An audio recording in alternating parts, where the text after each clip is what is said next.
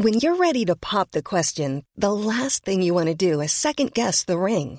At Bluenile.com, you can design a one of a kind ring with the ease and convenience of shopping online. Choose your diamond and setting. When you find the one, you'll get it delivered right to your door. Go to Bluenile.com and use promo code LISTEN to get $50 off your purchase of $500 or more. That's code LISTEN at Bluenile.com for $50 off your purchase. Bluenile.com code LISTEN.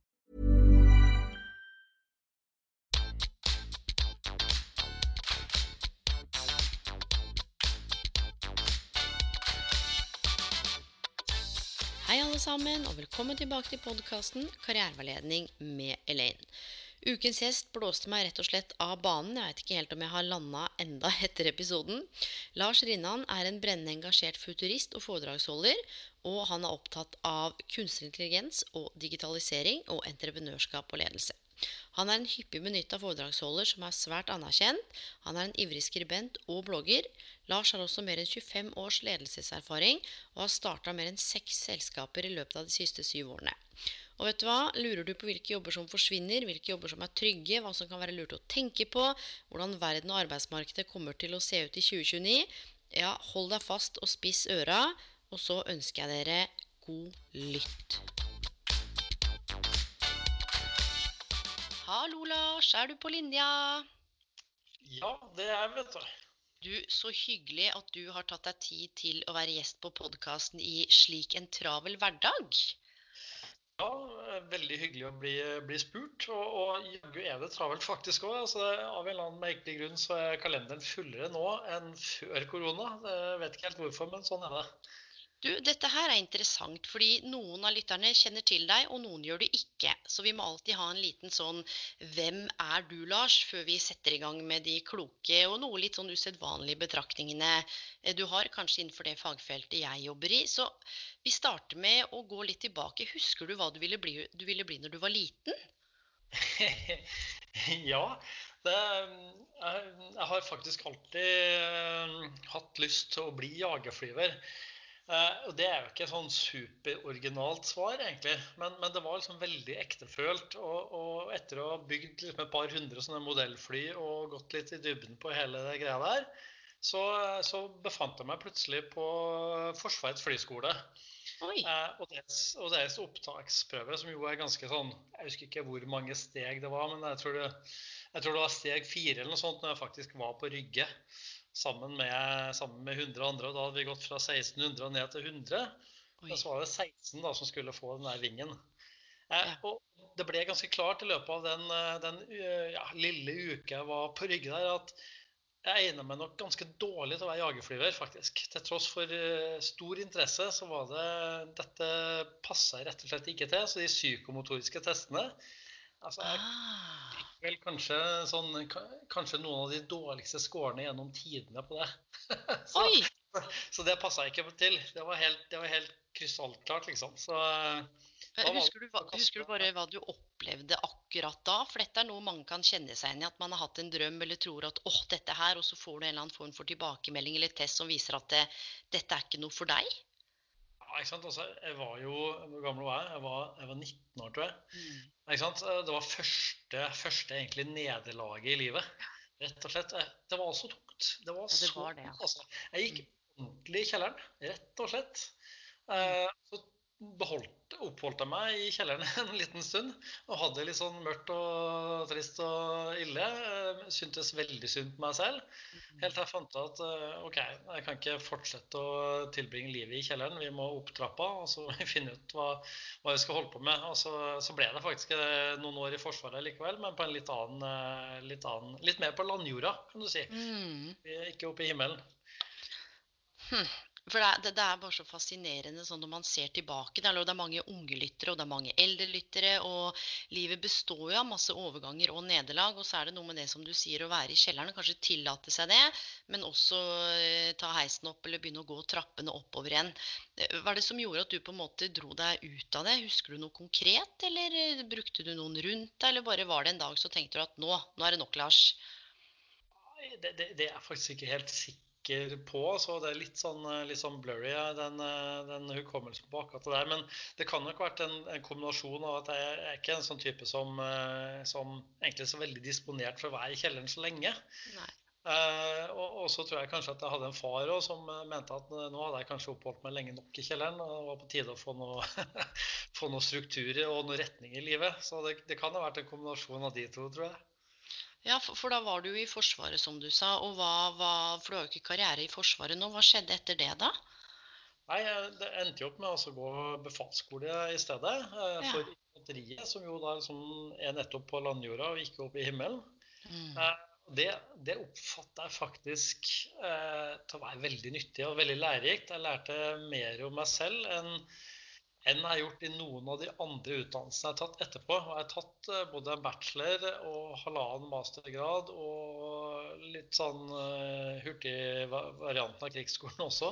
Mm. Uh, så jeg har liksom vært tilbringt ganske mange år av livet mitt på skolebenken og har trivdes med det. Men jeg tror rett og slett det året jeg lærte mest om meg selv, og som var mest utviklende, det var faktisk det året der på befalsskolen. For du, du får liksom du får utfordre deg selv på en sånn måte som eh, jeg opplever at du ikke får utfordre deg noe annet sted. da.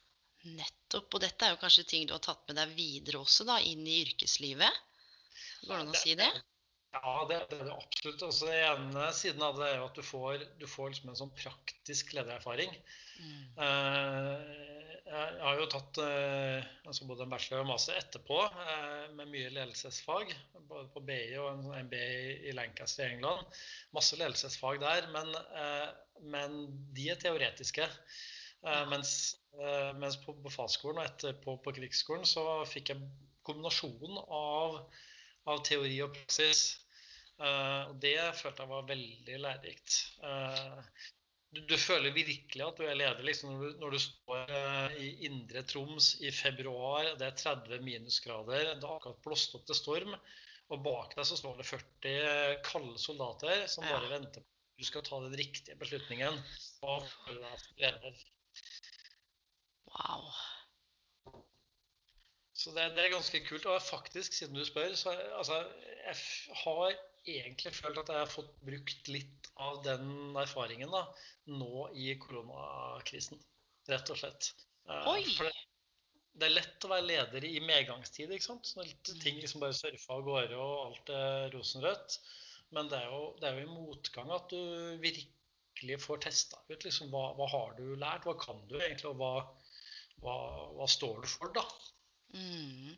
Og, og, Kan ikke du gi lytterne et lite innblikk i hva du holder på med akkurat nå, i og med at du sier at du har fått testa det ut, eh, hva du leder, eller litt sånn hva du holder på med akkurat nå?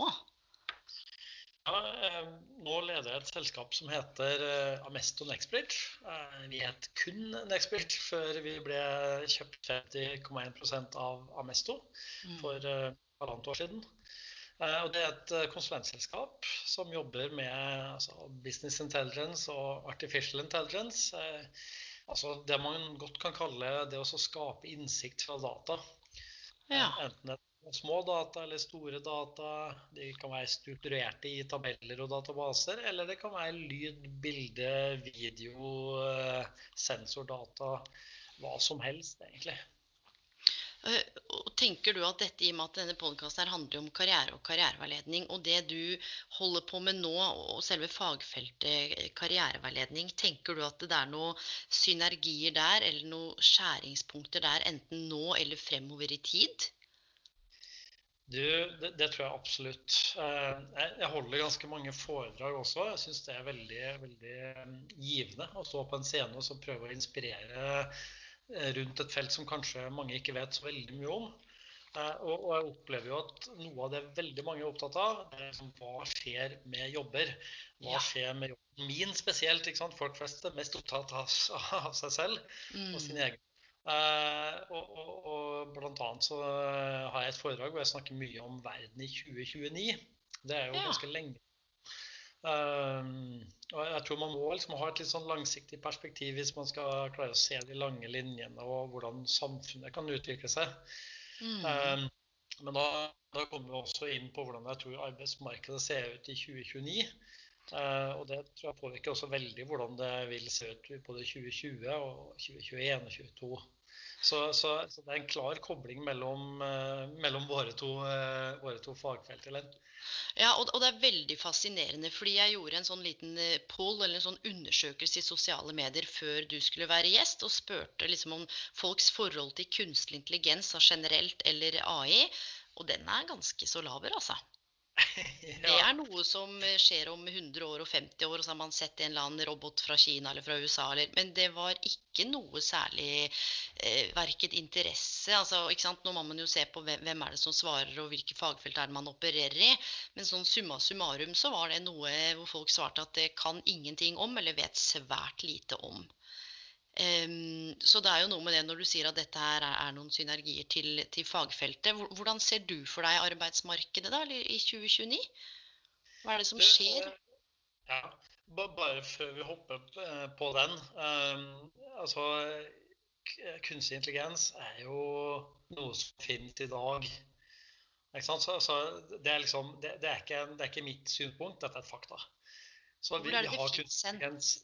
Ja, Eh, kan ikke du til de som lytter også, Hvor er det vi finner kunstig intelligens nå? Du, du, du, bruker det jo i hverdagen, men kanskje egentlig uten å tenke så mye over at dette faktisk er kunstig intelligens. Altså, du bruker det på, når du finner veien til, eh, til en adresse gjennom Google Maps. Du mm. bruker når, eh, når du eh, lytter på, på, Netflix, og de har gitt deg din eh, Discover Weekly, hvor du tenker Søren, den låta var jo kjempekul. Hvorfor har jeg ikke oppdaget den artisten? Mm. Eh, du har ikke oppdaga det, for det fins himla mange artister. Mens, mens Spotify sine kunstig intelligens-algoritmer de har sett linken og, og, og foreslår det for deg. Eh, så, så, det finnes eh, allerede på en, en haug med områder. Når du søker lån i banken, så blir eh, søknaden din behandlet av, av kunstig intelligens-algoritmer. Mm. Risikovurderinger, altså svindel i skattesystemet. Det, det altså, finnes på alle mulige områder. Ikke sant? Og også det du sier at det er jo faktisk her, men som du så fint sa, vi tenker ikke over at det er en, altså en del av vår daglige vaner og en del av vår daglige bruk, rett og slett. For jeg tror mange ser for seg nettopp en eller annen eh, robot som ser ut som et menneske, at det er det man ofte forbinder med det. Men så er det i dette dagligdagse som vi kanskje egentlig ikke helt eh, tenker på. Det er en viktig, viktig tankekors, altså. Ja, absolutt. Og jeg tenker egentlig det, de, de, beste løsningene det er de du ikke tenker over at, eh, at, her er det et eller annet rart, og sånt, eller her er det noe eh, basert på den eller den teknologien. For det er jo ikke så spennende. Teknologi i seg selv er jo ikke noe spennende. Det er jo hva du kan gjøre med den som er spennende. og eh, altså, hvor, Hva verden gjorde vi før Google Maps, ikke sant? Ja, ja. det er helt, helt vilt hvor avhengig vi er av det. det. Det er jo faktisk påvist gjennom forsøk at vi, vi er i ferd med å mister litt evnen til å navigere selv. Fordi at vi baserer oss så mye på både Google Maps og på eh, forskjellige GPS-er. Både på sykkelen og på båt og bil og whatever.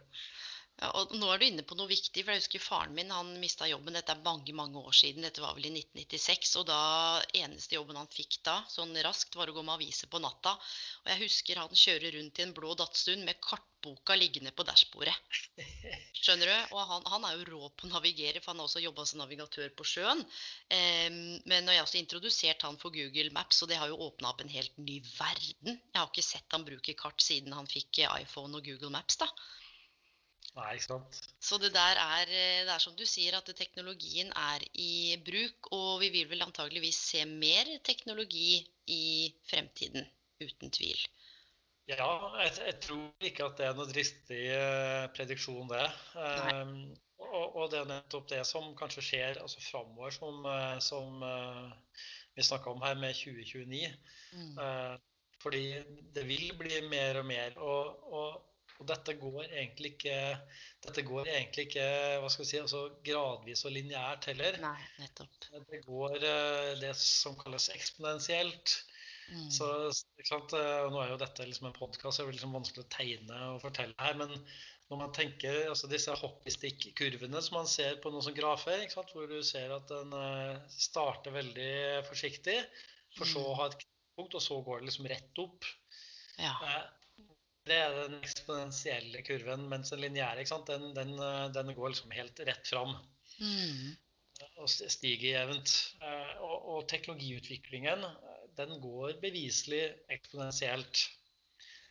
Så, så hvis, du, hvis, du, Jeg pleier ofte å bruke et eksempel eh, på, på forskjellen på lineær og, og eksponentiell. Altså hvis du, hvis du, tar 30 lineære steg, ja. hvor, langt, hvor, langt, kommer du da?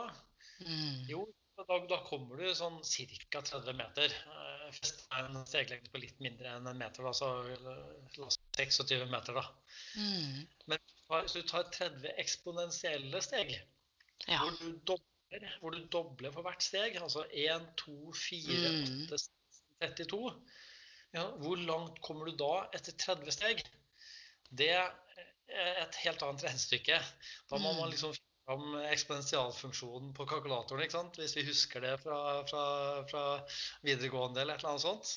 Eh, og, og, saken er at da kommer du også mer enn 1 milliard meter.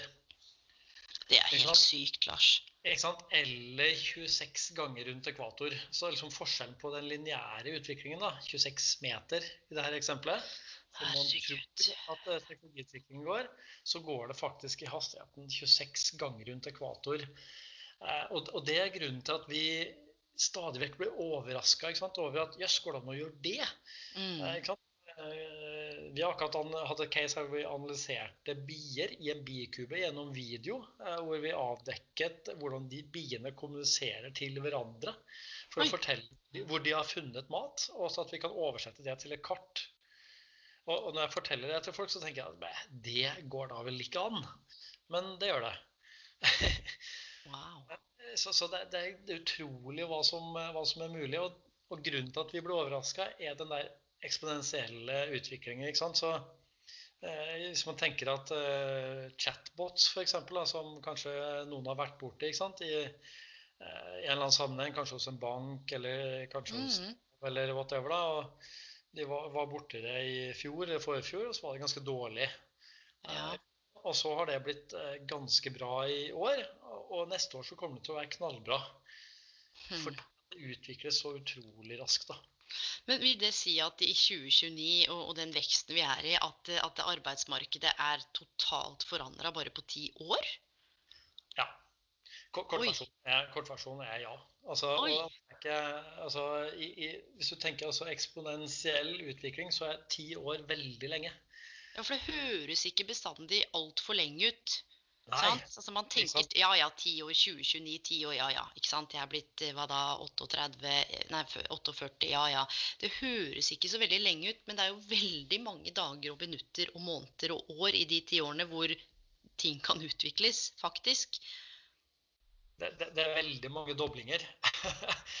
Ikke sant? Når, når, du tenker liksom at uh, prosesseringshastigheten da, for, uh, for, datamaskiner det er jo, altså I bunn og grunn så er jo det vi snakker om her. Ja, ja. Uh, den, den, dobles, ikke sant? Den dobles ca. hver 18. måned. og det, sånn har det vært egentlig siden på 60-tallet. dette kalles jo Moores lov. Mm. Den, den den eh, opprettholder sin, eh, sin eh, vekstrate foreløpig. Så Vil nok ta av etter hvert, men den opprettholdes foreløpig. Og, og, det betyr faktisk at, at, i 2029 så vil altså en sånn billig datamaskin som du bare kan kjøpe på Elkjøp, ja. altså til en håndfull tusenlapper, den vil ha like høy prosesseringskraft som den menneskelige hjernen. Tuller du? Nei, det er, det er helt sjukt. ikke sant? Altså 10-16 sekunder er det for de som er spesielt interessert. Uh, men det er klart, hvis man begynner å tenke på det, så betyr det at disse robotene du snakker om, da, de vil ja. kunne gjøre de vil kunne gjøre stort sett alt det et menneske kan. Bare raskere og bedre. Men, uh, og, men, ja. men, når jeg sier liksom alt et menneske kan, så, så betyr det egentlig alt et menneske kan når det gjelder liksom altså prosessering av data, kognitive ting. Det handler jo ikke om empati f.eks. og følelser og, og, alt det der. Så Nei, det jo, for at hvis du ser på karriere... Ja, ja, og hvis du ser på karriereveiledningsfagfeltet, da, eller karriereveiledning 2029 Nå har man blitt kasta inn i en sånn digital bølge, og det er satsing på digital karriereveiledning også. Nav har jo innskrenket eh, åpningstider, og det er mye mer sånn chattefunksjon der. Men i og med at arbeidsmarkedet endrer seg, og, og teknologien og, med globalisering og, og, at samfunnet endrer seg raskt, så betyr det også at det vi vet som karriereveiledere nå, og tenker om vår egen praksis, også vil være i stor endring i forhold til hvordan vi håndterer menneskemøter og håndterer hvilke jobber som finnes, og rett og slett at vi kanskje må veilede på en helt annen måte også. Hva tenker du om det? Ja, det, det, tror jeg. Jeg er ganske sikker på at uh, i 2029 så vil både karriereveiledere uh, og, og, alle andre som har veileder som liksom avslutningen av tittelen sin, ja. de vil, vil, jobbe vesentlig annerledes enn, enn de gjør i dag. Uh, og, og, sannsynligvis så vil de være støtta av, av, kunstig intelligens, og de vil jobbe både raskere og, og bedre. Um, og kanskje, og dette er kanskje en sånn, litt sånn selvmotsigelse egentlig, men kanskje blir eh, bli karriereveiledning enda mer menneskelig pga. kunstig intelligens. Ah. Og det, ja, det er en fiffig liten eh, sak. Den var snedig. For at det er mye Du vet jo når man går til karriereleder, psykolog eller terapeut eller PT, eller du som leder òg, så er det jo ofte relasjon og, og, tillit, empati, nærhet, nysgjerrigheten. Så er det ofte det som er sentralt for å bygge et godt fundament. Ja. Um, sånn, sånn, at de tingene der, hvor viktig det blir for oss i, i 2029 og fremover, litt sånn som du sa, vil kanskje i enda større grad øke? Tror du det? Altså behovet for den mellommenneskelige biten? Jeg, jeg, tror det. Jeg tror, jeg tror, det kommer til å øke.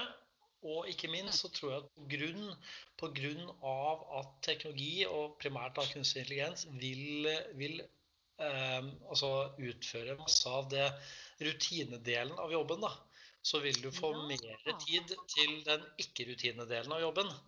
Og derigjennom kan du være mer menneske, mer veileder, mer coach eh, enn du kunne vært tidligere. Fordi eh, jeg antar i hvert fall, uten at jeg kjenner karriereveiledningsyrket eh, inngående, mm. så, så antar jeg at også i det yrket, som i alle andre yrker, så er det en viss andel av, av rutinearbeid som, ja, som man ikke syns er det mest spennende.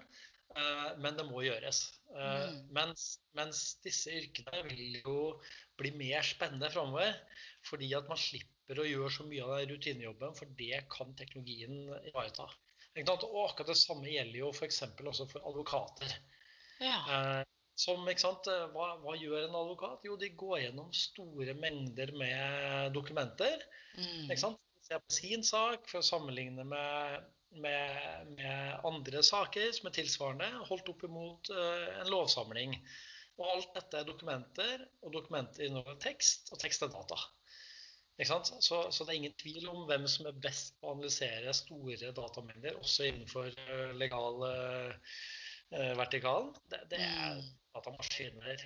Men det betyr jo ikke at advokatene forsvinner. Tvert imot så får advokatene hjelp til å gjøre liksom, rutinearbeidet, som gjør at de bruke sin kompetanse der den virkelig trengs, på de vanskelige sakene, ved å være mer eh, lyttende, mer forståelsesfull, eh, mm. skape tillit, eh, osv. Så dette her er kanskje ikke noe ikke Man frykter ofte redd for det ukjente. Så det, dette er kanskje ikke noe man eh, trenger å frykte, men heller noe man kan se på som, som, en støttefunksjon, eller noe som virkelig kan hjelpe deg til å underlette en del av arbeidsoppgavene, som du var inne på. Det er en fantastisk fin måte å se det på. At ikke det er sånn at nå kommer robotene, så nå mister alle jobbene. Fordi det skrives så mye opp og ned om hvem jobber som forsvinner, og hvem jobber som kommer. Og ja. hvis, hvis, jeg, det er et eksempel, hvis jeg hadde vært kjempeinteressert i en jobb i dag, så noen sier ja, men den forsvinner om et par år, eh, skal jeg velge å ikke ta den jobben, for jeg vet at jeg kanskje blir arbeidsledig, eller skal jeg på en måte gå for det jeg har lyst til, selv om den jobben kan forsvinne? Ja, ikke sant? Og dette er jo liksom tusenkronerspørsmålet som veldig mange lurer på, på akkurat nå. Ja, og jeg skal bare si Grunnen til at jeg spør, er fordi det er noe med kritisk tenkning oppi alt dette her. At hvem er det som eh, definerer hva karriere skal være for deg, og hvem, hvem er det man skal lytte til? ikke sant? Skal man orientere seg utover, ja, men også innover? For kanskje du får fem fantastiske år med den jobben som blir borte, og så kan du overføre den kompetansen til noe annet. Men jeg tror mange, og spesielt det lytterne har vært opptatt av, at det er så mange som skal mene så mye, og så ender man opp med å høre på det, og så går man for noe man egentlig ikke vil, fordi den jobben ble borte, eller det kommer til å skje. Så det er jo en eller annen balansegang her, da. Ja, det, det, tror jeg du har helt rett i. Og akkurat det punktet med kritisk tenkning, altså jeg tror det aldri har vært viktigere. Eh, og jeg er sikker på at det kommer til å bli superviktig framover. Altså, kanskje en av de aller viktigste egenskapene som Definitivt. Hvis vi fremdeles skal ha en eller annen sånn uh, type utdannelse framover, en eller annen skoleverk, så, så, så, bør de definitivt vri mer og mer mm. over den retningen, tenker jeg. Yes. Men, men, eh, ikke sant? Eh, men eh, det er veldig mange som mener veldig mye om dette for tida. Og, det, for, oss som jobber med det her som daglig, ja. så eh, kan jeg nok røpe at det er litt frustrerende. Okay. Eh, for, fordi, jo, men fordi vi, vi, er, vi lever i en tidsalder hvor, hvor, det å bli ekspert i anførselstegn er enklere enn noen gang. Det handler bare egentlig litt om at du, at du er jeg skulle si, litt flåsete sagt, aktiv nok på sosiale medier. ikke sant? Og, mm, mm. og, og, og bygge liksom eh, rundt det. Eh, og, det, det, er veldig mange som hiver seg på den der bølgen med kunstig intelligens. For, for at det er litt hot, og, og, alle har lyst til å ha en del av kaka. Mm. Så jeg, jeg tror man risikerer å få veldig mye dårlige råd fra, fra folk som kanskje ikke eh, altså de, de, de synser litt, ikke sant, fordi de har lest mm. noe på det. Eh, men, mens innsikten går kanskje ikke så fryktelig dypt, egentlig, da. Eh, men altså det, For min egen del, når folk spør om det, og det, TV 2 uh, Nyhetskanalen gjorde det faktisk uh, her i fjor. For, og liksom vi, for de lurte på hvilke jobber forsvinner, ikke sant, og hva, mm. hva skal hva skal man satse på? Og, og ikke sant? Med sånne korte nyhetsinnslag så blir jo ikke det noen spesielt seriøs eh, rådgivning. Nei, nei. Eh, men i, i, mitt hode, for å, for å skape et slags rammeverk for å svare på det på en fornuftig måte, så tenker jeg at man bør liksom tegne en sånn eh, to ganger to-matrise. Hvor du på den ene aksen har altså, arbeid som er altså, kognitivt, hvor du bruker hodet. Mm. Eh, andre enden eh, arbeid som er manuelt, hvor du bruker kroppen. Mm Eh, og, og, og, den andre aksen så er det rutine versus uh, variasjon. Ja. Rutine gjør det samme mm, hele tiden. Mm. Igjen og igjen og igjen. Og variasjon stadig vekk bruker kreativ problemløsning osv. Eh, og klart, den, den, Det området hvor, hvor kunstig intelligens kommer til å, å overta jobber, som gjør at i praksis vi slipper å gjøre de jobbene egentlig, som egentlig er både kjedelige og kanskje skitne og farlige og uønska. Det, det, er jo liksom der, der du har både rutine um, og altså Spesielt rutine, men også rutine og manuell, f.eks. Altså ta lagerarbeider. Ja. Altså Amazon, som jo er et av verdens største selskap, med, med, altså, det er de som har mest lagerkapasitet. Mm verden, de har nesten ikke mennesker på disse lagrene. De har over 100 000 lagerroboter eh, som er mer eller mindre autonome, som freser rundt og sørger for at eh, alle disse pakkene finner sin vei raskest mulig og med minst mulig eh, feil. Eh, så, så, eh, så, et godt karrieretips er ikke satse på å bli lagerarbeider. Nei, ikke sant. Og det er jo akkurat akkurat det her som er så interessant da når du sier det. For det er nettopp den balansen mellom finnes det fortsatt noen ledige lagerjobber? Ja. Hvor lenge kan det være at du har den? Om du velger å søke ikke sant, her i Norge. Eh, hva er det du kan lære av den jobben som kan gi deg transferable skills? Altså eh, kompetanser eller ferdigheter som har overføringsverdi til noe annet. Fordi du er jo inne på noe nå at store eh, selskap, altså store masser av mennesker vil jo på et eller annet tidspunkt mest sannsynligvis befinne seg utenfor arbeidslivet. Det, det, det, tror jeg absolutt. Eh, vi, la, oss, la, oss, la, oss, holde fast med den tanken, så tar vi den etterpå. Mm, jeg, mm. jeg, tror den, jeg, tror den, er veldig, veldig, spennende å snakke litt om. Ja. Men også andre sånn type rutiner manuell ikke sant? Også er jo egentlig alt som har endelsen sjåfør. Om det er bussjåfør, eh, tog mm. Altså buss, tog, bane, båt, drone, fly osv. Altså, dette er rutinearbeid som vil overtas av autonome biler, autonome busser, autonome båter. Eh, og dette kommer eh, i stort monn allerede. Eh, mens, mens, de som jobber med det her, de, de, de syns jeg egentlig har utvist en ganske sånn imponerende sånn strutse, hva kaller man det, sånn strutsementalitet. De stikker huet i sanda og, og vil ikke se hva som skjer.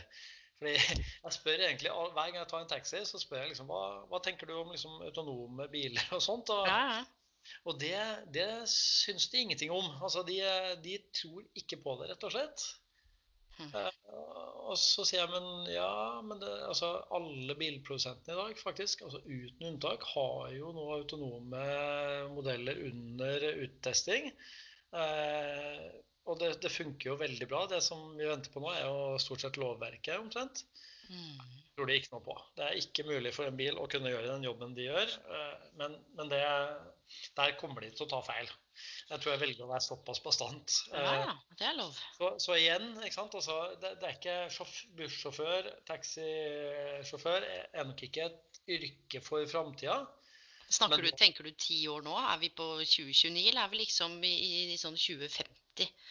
Nei, vi er, vi, er, vi er, før 2029. Mener du det, Lars? Ja, vi er, vi er før 2029, altså. Så med mindre, med mindre de lovgiverne setter ja, ja. kjepper i hjula, så er vi før 2029. Um, det er vanskelig å forestille seg. altså Selv for meg som er litt sånn, jeg syns fremtiden er spennende og hva skjer, og følger jo med litt sånn så godt som jeg kan. Men selv for meg da, så er det nesten utenkelig nå å skulle gått på en buss uten sjåfør. Ja. Forstår litt hva jeg mener? Altså, det er noe med den omstillingen i hodet. altså Den henger liksom ikke helt med i takt med resten av samfunnsutviklinga, hvis jeg kan si det sånn. Ja, nei, det, det, er jo litt sånn. Ikke sant? Og samtidig så har vi jo sånne autonome busser i, i både, både, Oslo, Trondheim, Bergen og Stavanger. Eh, bare i sånne små områder og uttesting foreløpig. Men hvis du ser til Kina, så er det liksom eh, hele bydeler som kun har autonome, autonome busser. Så, så dette, dette, går kjempefort. Eh, så der har du liksom den, de som er liksom i den der eh, kvadranten med rutine og manuell. Eh, så har du liksom rutine og, og, kognitiv, altså hvor du bruker hodet, men det du gjør, er stort sett det samme. Mm. F.eks. regnskapsføre. Ja. ikke sant? Det, det, det det er jo i ferd med å automatiseres uh, as we speak. Uh, så, så, her finnes det jo teknologien, og, og de fleste oppegående regnskapsbyråer uh, og selskaper de vrir jo nå over til å bli mer og mer rådgivere. Ja. så det, det, betyr jo at i motsetning til lagerarbeidet, som, som stort sett rett og slett forsvinner, mm. så f.eks. regnskapsføre de, altså, Mye av innholdet i den jobben vil Eh, vil i stedet ivaretas av kunstig intelligens. Mens regnskapsførerne kan bruke sin eh, kompetanse til å heller være rådgivere, f.eks. rundt regnskap og skatt og, og, likviditet og alt det der. Mm. Og, og nå, ja, ja. Det er kombinasjon av, eh, kombinasjon av AI og menneske, egentlig. Uh, kundeservice? My, mye av det samme. Her, her er det stadig lengre mellom de, de menneskelige operatørene. Uh, mens, uh, mens, en del av de liksom, uh, tar, de, tar de vanskelige casene. Mens den store massen av henvendelser det tas automatisk. Men, men du, du, du, nevner også, du har ikke nevnt i podkasten, men vi, vi melda så vidt før vi satte oss ned her. Vi snakker om dette med er det socialities and techies? Altså to typer grupper. Kan ikke du si litt mer om det? Er det liksom det du tenker du er inne på nå, eller hva, hva konkret knytter du til de begrepene? Ja, for jeg, tror altså, det, dette, er liksom, dette er egentlig bare mine begrep da, på, ja, ja. på de, to, de, to, gruppene i arbeidsmarkedet som jeg typisk ser framover. Eh, mm. Hvor den ene har en jobb i, i, i, dagens betydning av ordet, og den andre ikke har det. Og, og, dette handler jo litt om det vi egentlig snakker om her nå, også denne 2-2-matrisen, hvor noe overtas fullstendig av AI, eh, og andre ting overtas delvis, sånn som regnskapsfører. Eh, Eh, og, og, og, det samme gjelder f.eks. Eh, altså, eh, der du har stor variasjon, men manuelt yrke, som f.eks. rørlegger. Jeg tror ikke du ønsker å ha en, sånn, en, en, en robot som rørlegger når vannspruten står ut av kjøkkenet. Godt poeng. Eh, men, men, at rørleggerne kommer til å være styrt og hjulpet av kunstig intelligens. Eh, og kanskje augmented reality-briller, sånn at de ser alle rørledningene inn i veggene uten å åpne veggene. Det er det ingen tvil om. Eh, og samme også med karriereveiledere eller ledere eller markedsførere eller arkitekter, som er typisk sant, veldig varierte jobber, hvor, mm. hvor hver dag inneholder noe nytt. Og man bruker stort sett hodet det er jo det, det er liksom Kall det gjerne de tryggeste jobbene. da. Det er der vi vil ha vår framtid framover. Og det er der vi vil kunne uh, virkelig briljere med våre menneskelige egenskaper. da. Uh, gjennom kreativ, uh, kreativitet, gjennom kritisk tenkning, gjennom samarbeid og det å skape tillit. Det å skape entusiasme. alt det der som, som roboter og kunstig intelligens ikke ikke er flinke Eller ikke flinke, altså menneskeliggjør det vi, men altså som, hvor de ikke har mm. egenskaper på. da. Men, men, dette her er jo igjen veldig gode nyheter. For det handler jo litt om sant, hva kan være lurt å satse på fremover. Hva tenker man om seg selv? For det er jo en litt sånn en eller annen diskurs innenfor dette her. handler om at robotene kommer til å utslette menneskene, og ingen har jobb lenger. Men så er det noe med det å ikke tenke enten-eller, men både og. At det, at, det, er noe med å kunne se verdien av dette her. Men så du tenker at det er definitivt noen jobber som forsvinner? Du, helt klart. Altså, ja, det, det, er helt, altså, det har allerede starta. Ja. Uh, og det, det, er liksom, det er noen år siden. Ja. Uh, og så kommer det til å fortsette. Og, og, og som vi sa, sant, med forskjellen på lineær og eksponentiell, så mm. Fortsetter ikke dette lineært. Det fortsetter eksponentielt. Eh, og liksom jobber du Tenker kanskje i dag da, at den er ikke mulig å erstatte. Det, det vil være helt, eh, helt, unaturlig at et menneske skal ha den, den jobben om, eh, om, la oss si to år, tre år, fire år. Um, og om ti år så vil jeg tenke tilbake på at herregud, lot vi faktisk mennesker kjøre buss? Det er jo galt. Eller bil. ikke sant? Altså Det dør jo ja, ja. en kvart million mennesker i verden hvert år pga. menneskefeil feil i trafikken. Du sier noe der, altså. Men Lars, de som lytter nå, da. Eh, som sitter og, og tenker og syns dette er spennende og kanskje litt usikker på valg av utdanning. Noen står utenfor arbeidslivet, noen er i jobb. Noen tenker liksom nå skal jeg ta tak i med egen karriereutvikling og karriereplanlegging.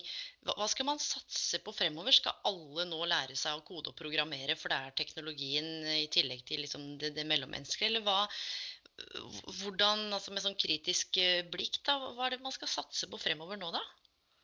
Jeg jeg, jeg, tror i hvert fall ikke at alle skal lære seg å kode, og alle skal liksom bli programmerere eller, eller, eh, data scientist, som det ofte kalles de som eh, jobber med kunstig intelligens.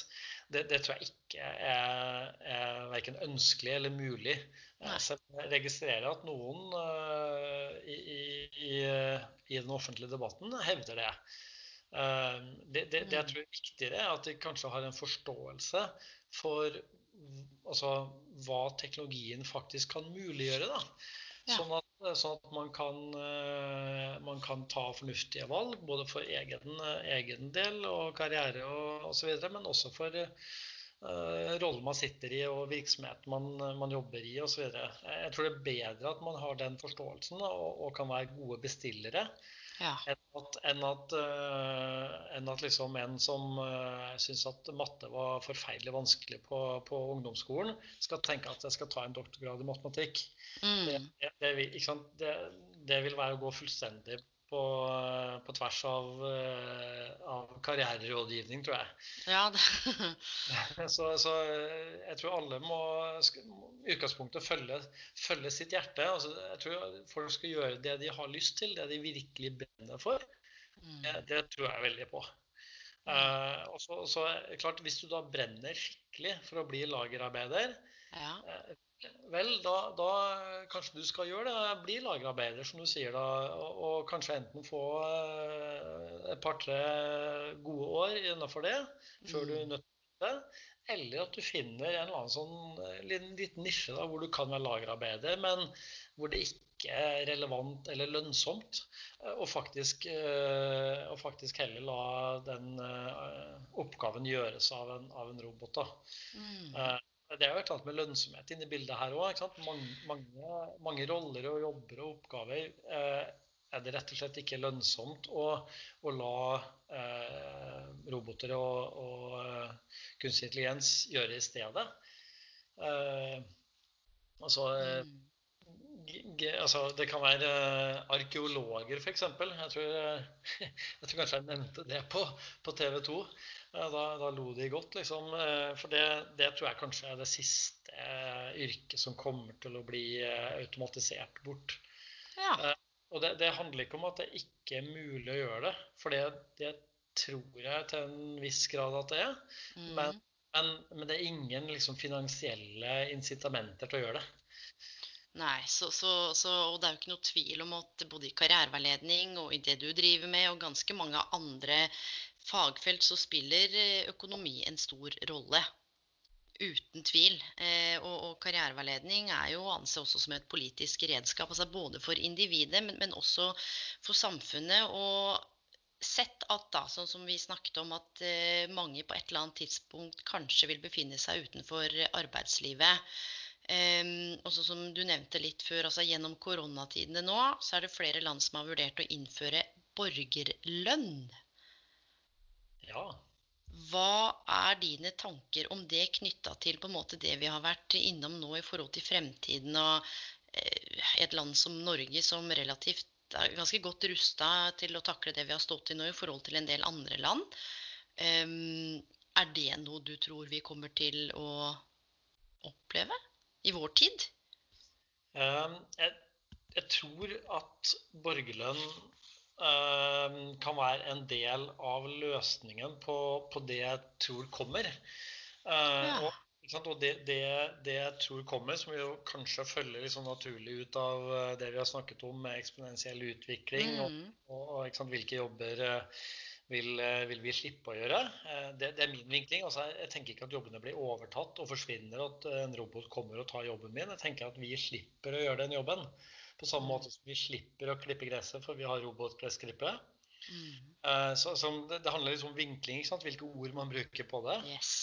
Um, så, men, men, jeg tror, uh, kort og godt, uh, at bortimot halvparten av alle jobbene som vi har i dag på kloden, eh, vil faktisk eh, automatiseres bort. Noen av de, noen av de helt på holden, andre av de eh, kun deler av det, og deler, altså noen oppgaver, men ikke alle. Mm. Men altså i, i, stor, i, stor, grad. Og jeg tror alle vil bli påvirket av det i en eller annen en eller annen eh, måte. Og klart, det altså Hvis man tenker at, eh, at det plutselig forsvinner Det, det, det er tre, tre, milliarder jobber, da. Det er relativt mye. Mm. Uh, og det er ikke Det fins ikke et land på kloden i dag som er forberedt på det. Og så vil det være forskjellig, forskjellig grad av, av automatasjon, automatasjon. Fordi altså, Norge for eksempel, så har vi gjort ganske mye allerede. Og vi har en høyt utdanna um, arbeidsstokk. Mm. Um, hvor, hvor, det er veldig få sant, som har liksom disse manuelle og, og rutinejobbene. Men, men, bare å gå til et land som USA, sant, så er den, mm. den, vanligste jobben i USA er faktisk lastebilsjåfør. Ja. Det helt, og, det, og, det, er faktisk også den jobben Eh, den jobben i USA hvor du tjener best uten å ha en utdannelse. Så det er, liksom, det, det er attraktivt. Stort land, eh, masse vareflyt og logistikk. Mm. Trenger ikke noe utdannelse. Eh, pluss et veldig sånn romantisk forhold til the highway. Ja. så, så det er veldig mange som kjører lastebil i USA. Og de kommer til å forsvinne. Og hva gjør USA da? Hva, hva, Norge står kanskje for å miste rundt 35% av de dagens jobber. Mens andre land sant, så snakker man om 50-60% Så vi, vi, er definitivt blant de, si, de som vil oppleve mindre eh, grad av, eh, av framtidig automatasjon da, mm. Eh, i forhold til andre. Men, men allikevel så vil det skje mye. altså Det, det å gå fra 4% arbeidsledighet, som vi vel hadde før korona yes. Eh, nå, nå, er det hva er det, 14? Ja, det, er, det skøyt i været, for å si det mildt. Ja, og, og opp til 35 vil allikevel være et kjempesprang. Men, men, snakker du om nå, Er vi på 2029 nå, eller er vi enda lenger frem nå, Lars? Tenker du? Da, da, da, er, vi, da er vi i 2029. Mener du det? Er vi det? Ja. Wow. Så, så dette, dette, dette, følger en, en, ganske sånn eh, En kurve som du faktisk kan beregne deg fram til. Mm. Eh, og så er det jobbene som forsvinner. Så kommer det selvfølgelig en, en haug med nye yrker til òg. Det gjør det. Yes. Det har det alltid gjort. Eh, og, og, dette er jo liksom politikernes eh, typiske argument for hvorfor de ikke skal gjøre noen ting for å forberede seg på det her. Fordi eh, da sier man at ja, men sånn har det jo alltid vært før. Mm. Første industrielle revolusjon f.eks. så forsvant det masse jobber. Men det kom mange til, og kom flere til enn de som forsvant. Mm. Men det var en helt annen tidsalder. Eh, Den første industrielle revolusjonen den varte jo i nesten, eh, nesten 100 år. Eh, og det, på, og det, var kun på et, et veldig avgrensa område at den hadde påvirkning. Hvor du, hvor du, fikk strøm og, og, og folk og dampmaskiner, og, folk kunne, kunne gå da, fra å være hestekusk til å, bli, til å være den som sjøfla køl på et lokomotiv. Mm. Det, det, krevde ikke den helt store omskoleringen for å gjøre det. Nei. Men det å gå, det å gå framover her nå, fra, fra å være eh, lastebilsjåfør da, til å bli eh, den som designer virtuelle verdener. Ja. Eh, der er det et eh, sprang som helt sikkert noen kommer til å ta, men, men ytterst få, tror jeg. Og, og, for hver ny jobb som vil bli skapt, og jeg tror det kommer til å bli skapt mange nye jobber, mm. men så vil liksom spørsmålet alltid være OK eh, hvordan gjør vi den jobben best? Er det ved å sette et menneske på det? Eller er det ved å sette en algoritme og kunstig intelligens på det? Mm. Jeg tror nok at i veldig mange tilfeller av det spørsmålet så vil svaret være at uh, her er det mest hensiktsmessig å, å, å, la en algoritme gjøre det. Men, så, men la, ja. Selv om det skapes mange nye jobber, da, så, så, tror jeg ikke nødvendigvis at eller jobber og jobber, altså oppgaver, så tror jeg ikke at alle de vil, uh, vil bli uh, besatt av de som som har uh, mistet de, de, gamle jobbene sine. Og, da, og dette her er viktig. Dette her er viktig. Ja. ja, bare fortsett, du. Ja, nei, nå er jeg i gang, vet du. ja, ja, og jeg skal bare si Dette er så viktig, fordi omstilling er et så innmari hett ord om dagen. ikke sant? Hvis du omstiller deg. og Det er ikke bare bare for alle. Eh, og jeg har hatt masse ulike mennesker i karriereveiledning. Jeg har hatt eh, folk på 55 pluss, 60 pluss, altså studenter, alle mulige nasjonaliteter aldre, kompetanse, og for noen, som du sier, da, fra, fra lastebilsjåfør til kreativ designer. altså for noen så vil det, om ikke være umulig, så vil det kreve så mye å omstille seg at, at den reisen kanskje blir for lang. da. At man befinner seg rett og slett utenfor arbeidslivet og utenfor arbeidsmarkedet. Og når du snakker om USA, dette med lastebiler, og at, at egentlig så er endringene nærmere enn det mange av oss tenker at det er, så, så må det jo, litt sånn som vi er inne på med borgerlønn, så, så det må jo kanskje det må gjøres noe, eller man må på en måte være litt føre var. Ja, ikke sant. Det, det, det må gjøres noe. Eh, og, og, og, jeg tenker jo at eh, altså, enhver regjering, og ikke minst den norske, burde, burde, egentlig sette i gang et prøveprosjekt på det her. Eh, nå, nå fikk vi jo en liten sånn uønska mm. smakebit på, på, det hele nå med, med korona. ikke sant? Hvor plutselig så stopper alt opp, og, og arbeidsledigheten tre-firedobler seg. ikke sant? Og så begynner mange land å tenke at shit, eh, var det ikke noen som snakka om et eller annet sånn smart tiltak på det her? Jo, borgerlønn. Hvor du faktisk får en, en, en, sum penger som du faktisk kan overleve på, og som ikke har noen forpliktelse knytta til seg er med andre ord ekstremt enkelt eh, å, å, å administrere, i motsetning til dagens uh, trygdesystem og osv. Og, og Nav f.eks. Og, og ikke noe gærent med Nav. De gjør en fantastisk jobb eh, basert på de retningslinjene og det mandatet mm. de har fått. Men, men eh, kanskje må man tenke litt annerledes framover. Og, og F.eks. Spania har jo da allerede innført borgerlønn nå pga. korona. Ja. Uh, og, og, jeg tror jo at det, det, er, det, mange likheter mellom et sånt, si, et sånt virusangrep og, og, den teknologiutviklingen. Uh, selv om eh, virusangrepet er negativt, og jeg tenker at teknologiutviklingen kan være positiv. Mm. Så begge, begge, har jo kommet brått. De kommer raskere enn vi tror, og, og begge vokser eksponentielt. Så jeg tror mange liksom har fått den første følingen med liksom hva, hva, hva betyr egentlig eksponentiell vekst. Det kom gjennom mm. korona man så hvordan viruset spredde seg. ikke sant? Og hvordan enkelte som da åpenbart ikke forstår eksponentiell utvikling, eh, bagatelliserte. Og det beste eksempelet er jo selvfølgelig Trump. ikke sant? Som, som ja. ja. Ja, det har, fått bare konsekvenser. Og, og, jeg vil bare si noe, for at jeg følger med på, på amerikansk politikk. For samboeren min er jo er halvt amerikansk. Og Andrew Yang han er jo ute av racet nå. Men han hadde en sånn eh, håp om at han skulle, om ikke innføre borgerlønn, så skulle i hvert fall alle eh, som levde i USA, få 1000 dollar hver måned. Uavhengig av hvem de var, hvor de kom fra. Så det var ingen strings attached.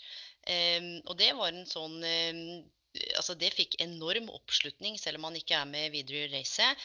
Men det var en sånn tanke som var litt radikal, men som mange tydeligvis tente på. Nå er det jo litt, litt annerledes system og struktur der, både på helse og, og, en del andre ting som kanskje ikke er sammenlignbart her. Men akkurat det med at staten skal betale penger til folk uten Altså du, du bare får x antall kroner i måneden, da.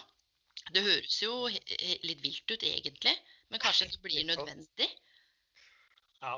Altså Andrew Yang Det var veldig synd at han uh, falt ut av det racet. Jeg heia på han. Åh, tenk, tenk deg hvis han hadde vunnet. Ja, vet du hva. Og, og, så klok og så flink til å svare på spørsmål. Innsiktsfull. Altså, han, eh, vi fulgte han gjennom debatten begge to og heia jo alt vi kunne. Hvordan han også klarte å samle altså den oppslutningen via teknologi, via internett. Det var jo der hans eh, følgere virkelig spredde budskapet, da. Ja. ja han, han, var fascinerende, men det, bare, det minte meg på det når vi er inne på dette med borgerlønn, at han, han mente at man skulle gi, dele ut 1000 dollar til alle. Ja, han, han, kalte jo 'the freedom dividend'. Yes. Så her, her, får du en avkastning mm. som gir deg, gir deg, økt frihet. Og den mm. avkastningen det skal jo egentlig være på det som samfunnet faktisk har generert. Mm. Eh, og, og, og i, i, i, bunnen, i bunnen av det tanken rundt borgerlønn så handler det jo mye om at verden har, eh, har gått litt av skaftet. Det har blitt litt for skeivt. I dag så har du fire mennesker som eier 50 av verdiene i verden.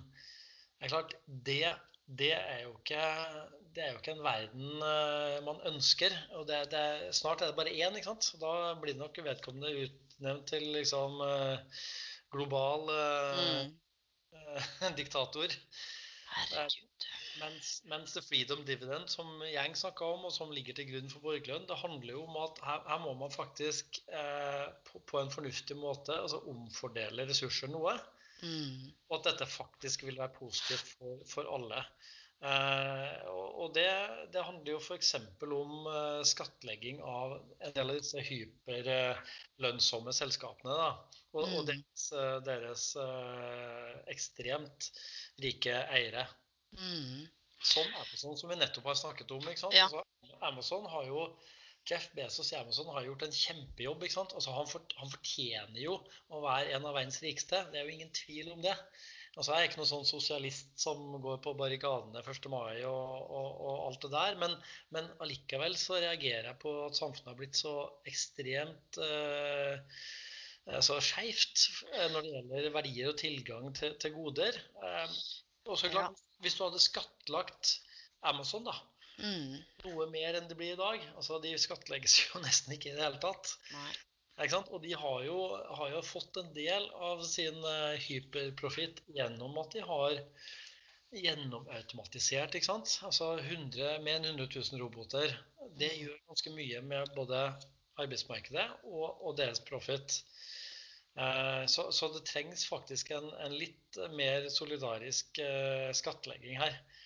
Ja, og du er inne på noe. jeg skal bare si det, for en, en, ting som både jeg personlig, og det har stort sett vært så lenge jeg kan huske, men som har utkrystallisert seg klarere nå gjennom eh, over åtte år som praktiserende karriereveileder bl.a., det er jo begrepet sosial rettferdighet.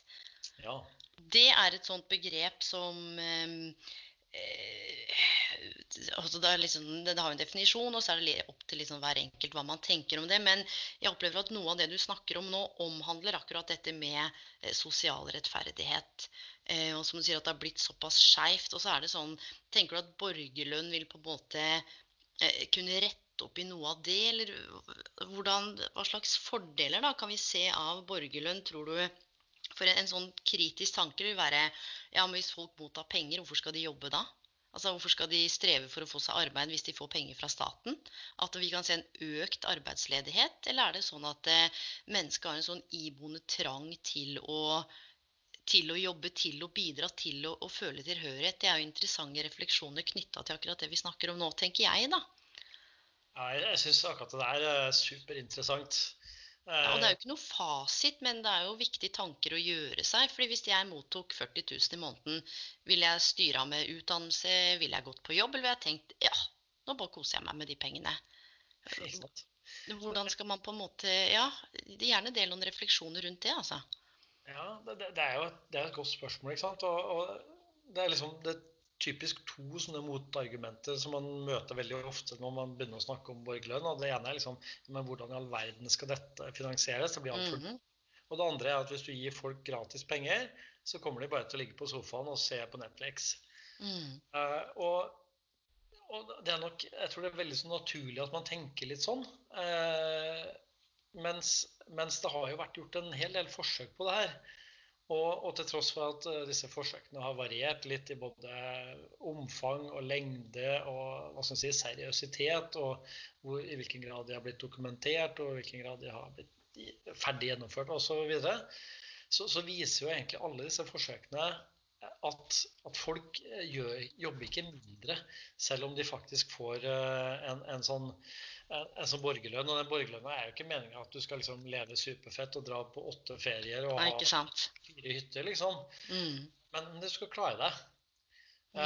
Eh, og alt, alle, alle, forsøkene viser at folk blir mer eh, Altså entreprenørskap øker. Folk starter businesser, setter i gang. Folk tar mer utdannelse. De gjør ferdig skolegang, og de tar mer utdannelse. De, de blir friskere. De går mm. uh, de går mer til lege når de er syke, det er jo bra. De, mm. de, de, spiser bedre mat, som gjør at de blir mindre syke. De eh, kvitter seg med en del sånn type livsstilssykdommer som dessverre er relatert til, til fattigdom og, og, lav økonomi. Eh, de opplever faktisk større grad av lykke. Eh, de, de, de, er mer tilfredse. Og de tar seg bedre av både sine barn og sine eldre. Og det tenker jeg at alt det her er egentlig positive, positive elementer som gjør at man i hvert fall burde teste ut. Hva handler det, disse forbedrede psykologiske livsvilkårene om, og generelt de andre vilkårene nevner? Handler det om at det er en grunnleggende trygghet i bunn som gjør at man ikke trenger å kjenne på angst og uro og sånn voldsom frykt, som hvis vi snakker om de, de fattige, da, altså sånn, eller kanskje ja, middelklasse, og vi vet jo ikke helt hva som kommer til å skje, at det er noe grunnleggende trygghet der som gjør at det, eh, man kanskje bekymrer seg mindre og finner mer ro til å ta de valgene som er riktige og viktige for en selv? At du veit at du har mat på bordet på en måte måneden etterpå. At det er sånn helt, helt på basalnivå. Ja, jeg, tror faktisk det er akkurat det det er. Mm. Eh, og, og, dette er det jo faktisk gjort litt sånn forsøk på. Jeg holder på å lese en bok nå av en nederlender som heter Rutger Bregman. som eh, Boka heter 'Utopia for Realists'.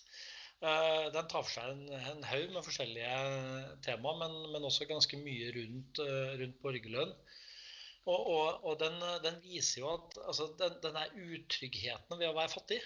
Ja. Den gjør, den gjør at du tar dårlige valg. Eh, og det er ikke fordi at de er dumme. Nei, nei, eh, nei. nei, nei. sånt. Det er rett og slett fordi at den utryggheten altså Den ble sammenligna sånn rent eh, De gjorde, gjorde noen tester, da.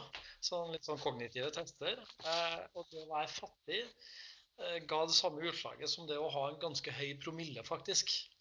Eh, og så, så testa de også dette på noen eh, Hva var det for noe? Dette var folk som drev med innhøsting av sukkerroer et eller annet sted i, i Karibien eller noe sånt. Eh, For det, det er en sånn, De er rike på en liten del av året, og så er de fattige på en, en stor del av året. For at eh, sesongen er veldig kort, og får de all årsinntekten får de i løpet av kort tid. Mm. Eh, resten av året skjer ingenting, da. Og da testa de disse folkene i den fattige halvdelen av året sitt, og de testa de den, da de hadde penger. Eh, og, og de scora dramatisk bedre på akkurat de samme testene da de hadde penger, enn da de ikke hadde penger. Mm. Det er ganske interessant. Og et veldig godt argument for borgerlønn. Ikke Ja. minst. Ikke minst, ikke sant. Altså, det, han, han sier jo det, Rutger Bregman, at uh, fattigdom er ikke, er ikke en mangel på moral, det er bare en mangel på penger. Ja, og, og, og du er inne på noe så viktig, fordi jeg også har jo jobbet med, med som jeg sa, ulike mennesker. Og selvfølgelig møtt de som er både fattige og utenfor, og som knapt lever fra hånd til munn. Altså folk som ikke visste om de hadde brød. Altså omtrent i uka etterpå. ikke sant? Sparte på brødskivene. Og, og jeg er så glad for at du sier det. Det handler ikke om at man ikke er intelligent, det handler ikke om at man ikke forstår er med, men det er så knapphet på noen sånne sentrale ressurser da, som mange tar for gitt. Eh, at jeg tror det er vanskelig nesten for oss å egentlig sette oss inn i hvordan det er å ikke skulle ha mat i kjøleskapet her i Norge. Sant? Mm, Men det, det, det eksisterer jo, det fins jo. Det er her. I, Ja. i, i bakgatene våre. Eh, men det er veldig interessant dette her med borgerlønn. Altså, å se om dette er noe som kommer til å komme på tapeten etter hvert. ja jeg, jeg tror, jo, tror jo det. Eh, både tror og håper. Og, og, og jeg tror fordi at i hvert fall per nå så klarer jeg ikke å se en annen eh, god måte å håndtere det som, det som vil skje. Altså hvis, eh, la, oss, la oss si at 35% av dagens jobber i Norge forsvinner i løpet av de neste, neste ni årene. Mm. Hva, hva skal man gjøre da? da? Altså, du kan ikke ha alle de på Nav. Det, det er ikke systemet laget for. Det, det, det jeg tror kommer til å skje, er jo at mange av disse da, som kanskje tidligere har kjørt buss da, eller ført regnskap eller jobbet på et lager, eh, de, de eh, kommer til å finne andre ting som de egentlig har lyst til å, eller mer lyst til å gjøre. Mm. Ikke sant? Det kan, være, det kan være alt mulig rart, fra å rydde strendene eller havet for plast, ikke sant? eller miljømessige tiltak. Det kan være kanskje, å, kanskje å ta seg av barna sine. ikke sant? Altså, hvorfor eh, skal vi sette bort barna våre i barnehage til tenner, gnissel og gråt når de er ett år? Kanskje vi skulle tatt vare på de litt lenger selv. Hva med våre eldre? ikke sant? Skal vi sette de bort på et eh, gammelt Mm, mm. bort? Eller skal vi kunne ta oss av de på en annen måte? Eller, eller kanskje han bussjåføren som egentlig alltid har vært eh, interessert i fotball og heller har lyst til å være fotballtrener for, for barn f.eks. Han kjørte Mm. en buss fordi han trengte en inntekt. Mm. Eh, mens hvis han kunne få en borgerlønn som han kunne leve av, så kunne han kanskje være fotballtrener, en fantastisk fotballtrener for barn i stedet. Oh, og nå snakker du om noe som, som minner meg om Det er jo noe som heter karrierekompetanser innenfor fagfeltet mitt. og De består liksom av fire, fire områder. og Det ene handler om altså, decision making. altså Hvordan er det du tar beslutningene dine? ikke sant? Trenger du detalj... Oi, vent litt. Der kom den. Trenger du detaljer eh, og masse fakta, eller hopper du bare i det? Det andre handler om mulighetsoppmerksomhet. Ok, nå forsvinner kanskje jobben din, eller du ønsker å bytte. Hvilke muligheter finnes der? Sammen med selvinnsikt. Og nummer fire, som jeg er sånn eh, forkjemper for, det er det hvordan er det vi faktisk håndterer overganger. Ja. Og, og det å gå fra en jobb til en annen. Og jeg har sagt det tidligere på podkasten at det, det, det er ikke endringen i seg selv, det er ikke teknologien som kanskje gjør det vrient for noen eller gjør det spennende, men det er det at teknologien propellerer oss inn i en endring.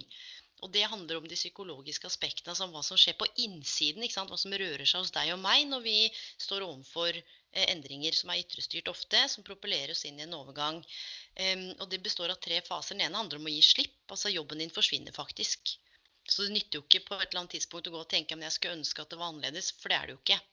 Mm. Sant? At man må trene på å gi slipp og kjenne på alle de ubehagelige følelsene som er i fase 1.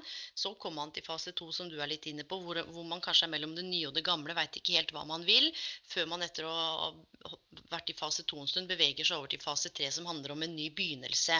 Du, jeg har egentlig alltid likt å drive med fotball og har interesse for det. Hva hvis jeg gjør det isteden? Men, men det er så interessant, for jeg tror særlig det vi snakker om nå, er litt stort og viktig. Og teknologien vi snakker om, at den fører med seg så masse endringer. Men teknologien fører også med seg en hel haug av overganger. Hvordan skal vi håndtere dette her sammen som samfunn, også på et sånt psykologisk nivå, da, på hva som skjer hos innsidene av individene som blir berørt, og samfunnsstrukturene. For det er ikke bare endringen i seg selv. ikke sant? Det er, eh, det er det som skjer ytre, og så er det det som skjer inni, som du også har vært inne på nå, som jeg syns var så veldig fint at du sa, fra bussjåfør til fotballdommer. Det er, ikke, det er, ikke, alle som ser den linken med en gang, men, men, det er kanskje litt sånn man må tenke framover, da. Ja, jeg tror egentlig det. Og, og, og jeg tenker at mange av disse, disse oppgavene som vi snakka om nå, ikke sant? altså rydde strenden eller ta seg barn eller være mm. de, er jo, de er jo ubetalt i dag. Man ser ikke på det som en jobb. Men, men, det handler jo bare om hvordan vi har bestemt oss at en jobb skal se ut. Eh, det er jo ingen tvil om at dette vil være samfunnsnyttig. Eh, mm. Og, og, og, og, kanskje altså Jeg tenker at det er bedre at folk eh, kan holde på med det de virkelig liker, og som de er opptatt av, og som de har en lidenskap rundt. For da gjør de også en bedre jobb enn at de skal Altså det er bedre å være en, en lidenskapelig fotballtrener, tenker jeg, enn å være en, en sur, gretten bussjåfør. Ja, og så er det jo noe med det. Vi, vi skrev også om, om, noe viktig sammen som, som, jeg har lyst til å ta opp sånn avslutningsvis. Altså, må man jobbe for å føle seg verdifull? Og den setningen der, den traff meg som du skrev, fordi av hvem er det som definerer hva en karriere er? Er det betalt? Er det ikke betalt, som du er inne på? Og den skammen og den følelsen av utenforskap som så mange som står uten arbeid, opplever. Sant? Det er mange som kjenner på det, og da spør jeg deg litt sånn Fride tilbake Må man jobbe for å føle seg verdifull? Ja, nei, jeg, jeg, tror jo egentlig ikke det. I hvert fall ikke i, i dagens eh, litt sånn snevre, gammeldagse betydning av jobb. Eh, jeg tror, jeg tror, det viktigste er at man, at man føler at man kan bidra med noen ting. Altså at man en, gjør en forskjell i verden. Om det er en forskjell for noen få, sine nærmeste, sitt, eh, sitt barn, sine, sine, foreldre. Eller om det er for kloden, eller om, det, eller man bidrar med kunst. ikke sant? Eh, altså, jeg kjenner mange kunstnere, og de, de, mange av de lever jo på knapper og glansbilder. Altså, men de mm. de insisterer på å fortsette å lage sin kunst. Og, og, takk og lov for det, for at vi trenger det. Uh, men, men, altså, de kunne kanskje altså, jeg, tror, jeg, tror, en kunstner blir bedre hvis han får, får jobbe fulltid med, med, det kunstprosjektet sitt, enn at han altså, må være liksom, deltidsarbeidende på et eller annet for å skaffe inntekt å leve av. Så altså, jeg, jeg, tror de, de, positive elementene ved en sånn type borgerlønn vil være ekstremt uh, positive mm. eh, og, og, nyttige og vil altså, uten å bli liksom for eh, svevende her, så tror jeg faktisk at hvis vi klarer å gjøre det her på en riktig måte og en god måte, så kan vi faktisk skape et, et helt nytt type samfunn eh, som er veldig annerledes enn det vi, det vi gjør i dag. Eh, fordi altså, mange, mange, av oss jo, har en høy levestandard i dag, men vi er ikke så lykkelige. Ikke sant? Vi ser jo egentlig det. Nettopp, nettopp, Lars. Og hvorfor er vi ikke det? Vi er på feil i livet. Ja, og, og, vet du hva? Dette her er så i tråd med når vi snakker om synergier mellom fagfeltene våre, hvor mange jeg har møtt som har valgt feil, som er redd for å mislykkes, som er redd for å eh, velge feil. Altså Man blir helt sånn handlingslamma, for man er så redd for å velge feil. Man bruker mye tid på å høre på hva alle andre mener og tenker og føler, og så glemmer man å orientere seg innover. Og, og som du sier, om en kunstner eller en entreprenør hadde kanskje fått, eh, fått en en borgerlønn, eller i hvert fall det der å finne ut hva man liker å gjøre. Og at man blir verdifull gjennom det, da. Mm. Rett og slett. Eh, og det er ikke så himla lett bestandig å navigere i det samfunnet vi er i nå. Nei, nei, det er ikke det. Ikke sant? For uh, vi, vi, blir jo liksom Eller hva skal man si, altså suksess, da, blir liksom vurdert på, på det som kanskje er litt feil kriterier, egentlig.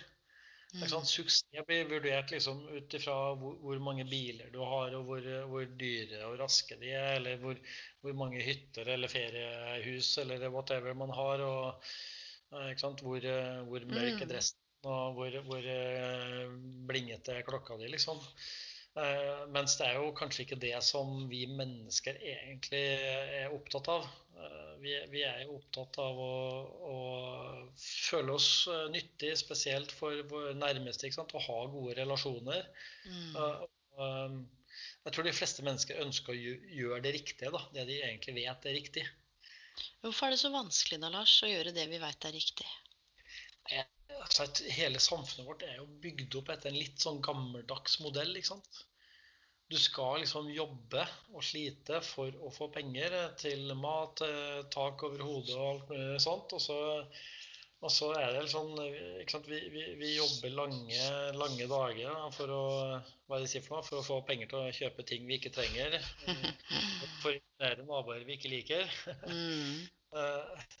Det er jo et litt sånn rart samfunn. Og, og ikke sant, også med utdannelse så, så utdannes vi jo inn i et sånt, inn i et sånt postindustrielt samfunn som, som vi egentlig er i ferd med å forlate for lengst. Altså, altså, mye av dagens utdannelse tror jeg er litt uh, feil innretta. Det er definitivt ikke innretta på en, på en uh, sånn type framtid som jeg tror kommer. Du vet hva, dette er så snakka i 1 time og 10 minutter. Oi, shit. Ja, vi, vi må faktisk eh, avrunde. Jeg skal bare spørre deg om én ting. Dessverre må vi avrunde. Jeg tror vi kunne snakka om det her i syv timer. Men for lytterne sin del så får du heller komme tilbake eh, som, som del to. For akkurat dette med utdanningssystemet er også noe jeg er eh, fryktelig opptatt av. Og du er inne på så mye viktig. Og kanskje nettopp det med å redefinere suksess da, på vegne av, eh, av seg selv. Og jeg skal bare gi en sånn kort innspill der, fordi jeg skrev en oppgave nå. Jeg holder på med en master i karriereveiledning som jeg snart er ferdig med.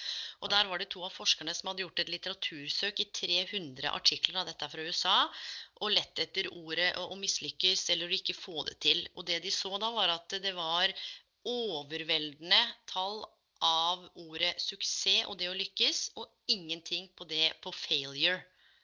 Sant? At det er lite av det i litteraturen. altså Hvordan håndtere det å ikke lykkes. Hva kan være verdifullt av det å ikke lykkes, og det å kanskje snuble litt og lære litt. og Jeg tipper ingen av oss har hatt en sånn strømlinjeforma karriere. Som du sa, du gikk i kjelleren helt i begynnelsen. Så lærte du jo noe av det. Ja, og jeg har gjort en haug med feil eh, etter det. Jeg har jo til og med holdt eh, foredrag på fuck up nights. Og da Ja, vet du da vet du at du har driti deg ut. Men, men det er så verdifullt å ha med seg det, men så er det ikke så lett å innse når man kanskje står i det og er redd for å velge feil. Og med det så har jeg lyst til å avslutte med noen av dine refleksjoner. Du vet jo ikke at jeg skal spørre om det her, så du får bare ta det fra levra. Altså, hva er dine beste karriereråd eller karrieretips til de som lytter nå? Ja, det, den, kom, eh, den kom litt brått. Altså, jeg- tror det aller, aller viktigste er å, å gjøre noen ting som man har, har lidenskap for. Jeg, jeg tror det er det eneste måten å, å, å faktisk gjøre bra arbeid på. Det å være lidenskapelig opptatt av det. Eh, og så er det ikke alle som vet hva som er lidenskapen sin. og nei, da, da må man kanskje liksom eh, prøve ut litt, da. Prøve ut litt forskjellig. Prøve ut litt utradisjonelt. Mm. Seg litt inn i ting. Jeg tror, jeg tror når, når man finner det, så vet man det. Og så, så er det dessverre veldig mange som kanskje ikke har funnet det, og som egentlig har gitt opp litt å, å søke etter det. Eh, Eller kanskje har gått inn på, på feil hylle i livet fordi at man trodde at det var kult, eller fordi at foreldrene forventa det, eller et eller annet sånt. Men jeg, jeg tror man skal følge, følge hjertet sitt, altså. Ja, men, men i en forlengelse det kan det også være sånn at det, det er OK å gå på jobb 8 til 4, trykke på den knappen, eller kanskje jobben så snart blir borte, eh, og, og få pengene dine, men at du har såpass mye mening utenfor arbeidslivet òg. Altså at det er et skille mellom jobb og karriere, sånn at du kanskje jobber frivillig, eh, er besøksvenn. Altså at det er ting utenfor selve jobben som gir mening og glede, da. Ja, det, det tror jeg absolutt. Og, og noen av de mest eh, lidenskapelige menneskene, de, de møter man jo i humanitære organisasjoner. Mm. De, de, er jo, de brenner jo virkelig for det de gjør, og har ekstrem respekt for de. Mm, mm. Jeg er helt enig. Det bare slo meg at jeg, dette med å finne mening gjennom jobben og karrieren og virkelig gjøre noe du er opptatt av. Og så kom jeg i snakk med en som egentlig ikke var så opptatt av hva hun gjorde så lenge hun fikk penger. Så det gikk rundt. For hun hadde så himla mye annet sant?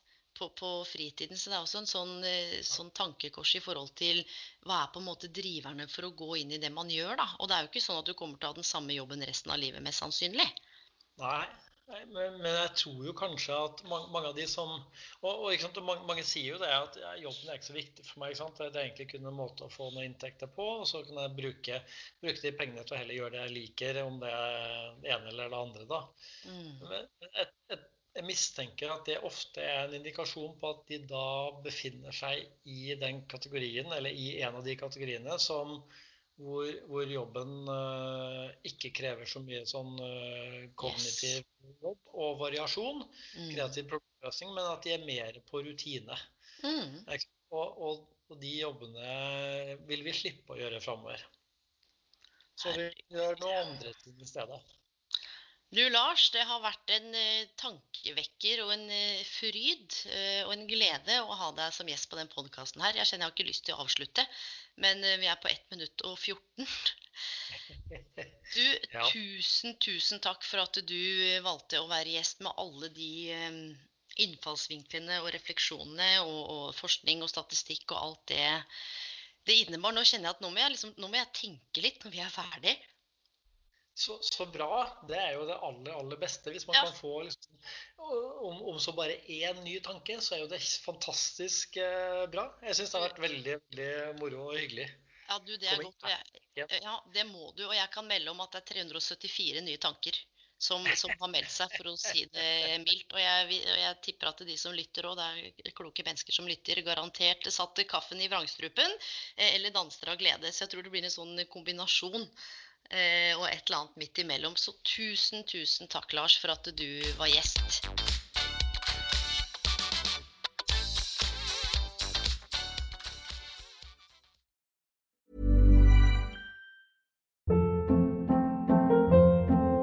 Hold up. What was that? Boring. No flavor. That was as bad as those leftovers you ate all week. Kiki Palmer here, and it's time to say hello to something fresh and guilt-free. Hello Fresh. Jazz up dinner with pecan-crusted chicken or garlic butter shrimp scampi. Now that's music to my mouth. Hello Fresh. Let's get this dinner party started. Discover all the delicious possibilities at hellofresh.com. Planning for your next trip? Elevate your travel style with Quince. Quince has all the jet setting essentials you'll want for your next getaway, like European linen, premium luggage options, buttery soft Italian leather bags, and so much more. And is all priced at 50 to 80% less than similar brands. Plus, Quince only works with factories that use safe and ethical manufacturing practices. Pack your bags with high-quality essentials you'll be wearing for vacations to come with Quince. Go to quince.com/pack for free shipping and 365-day returns.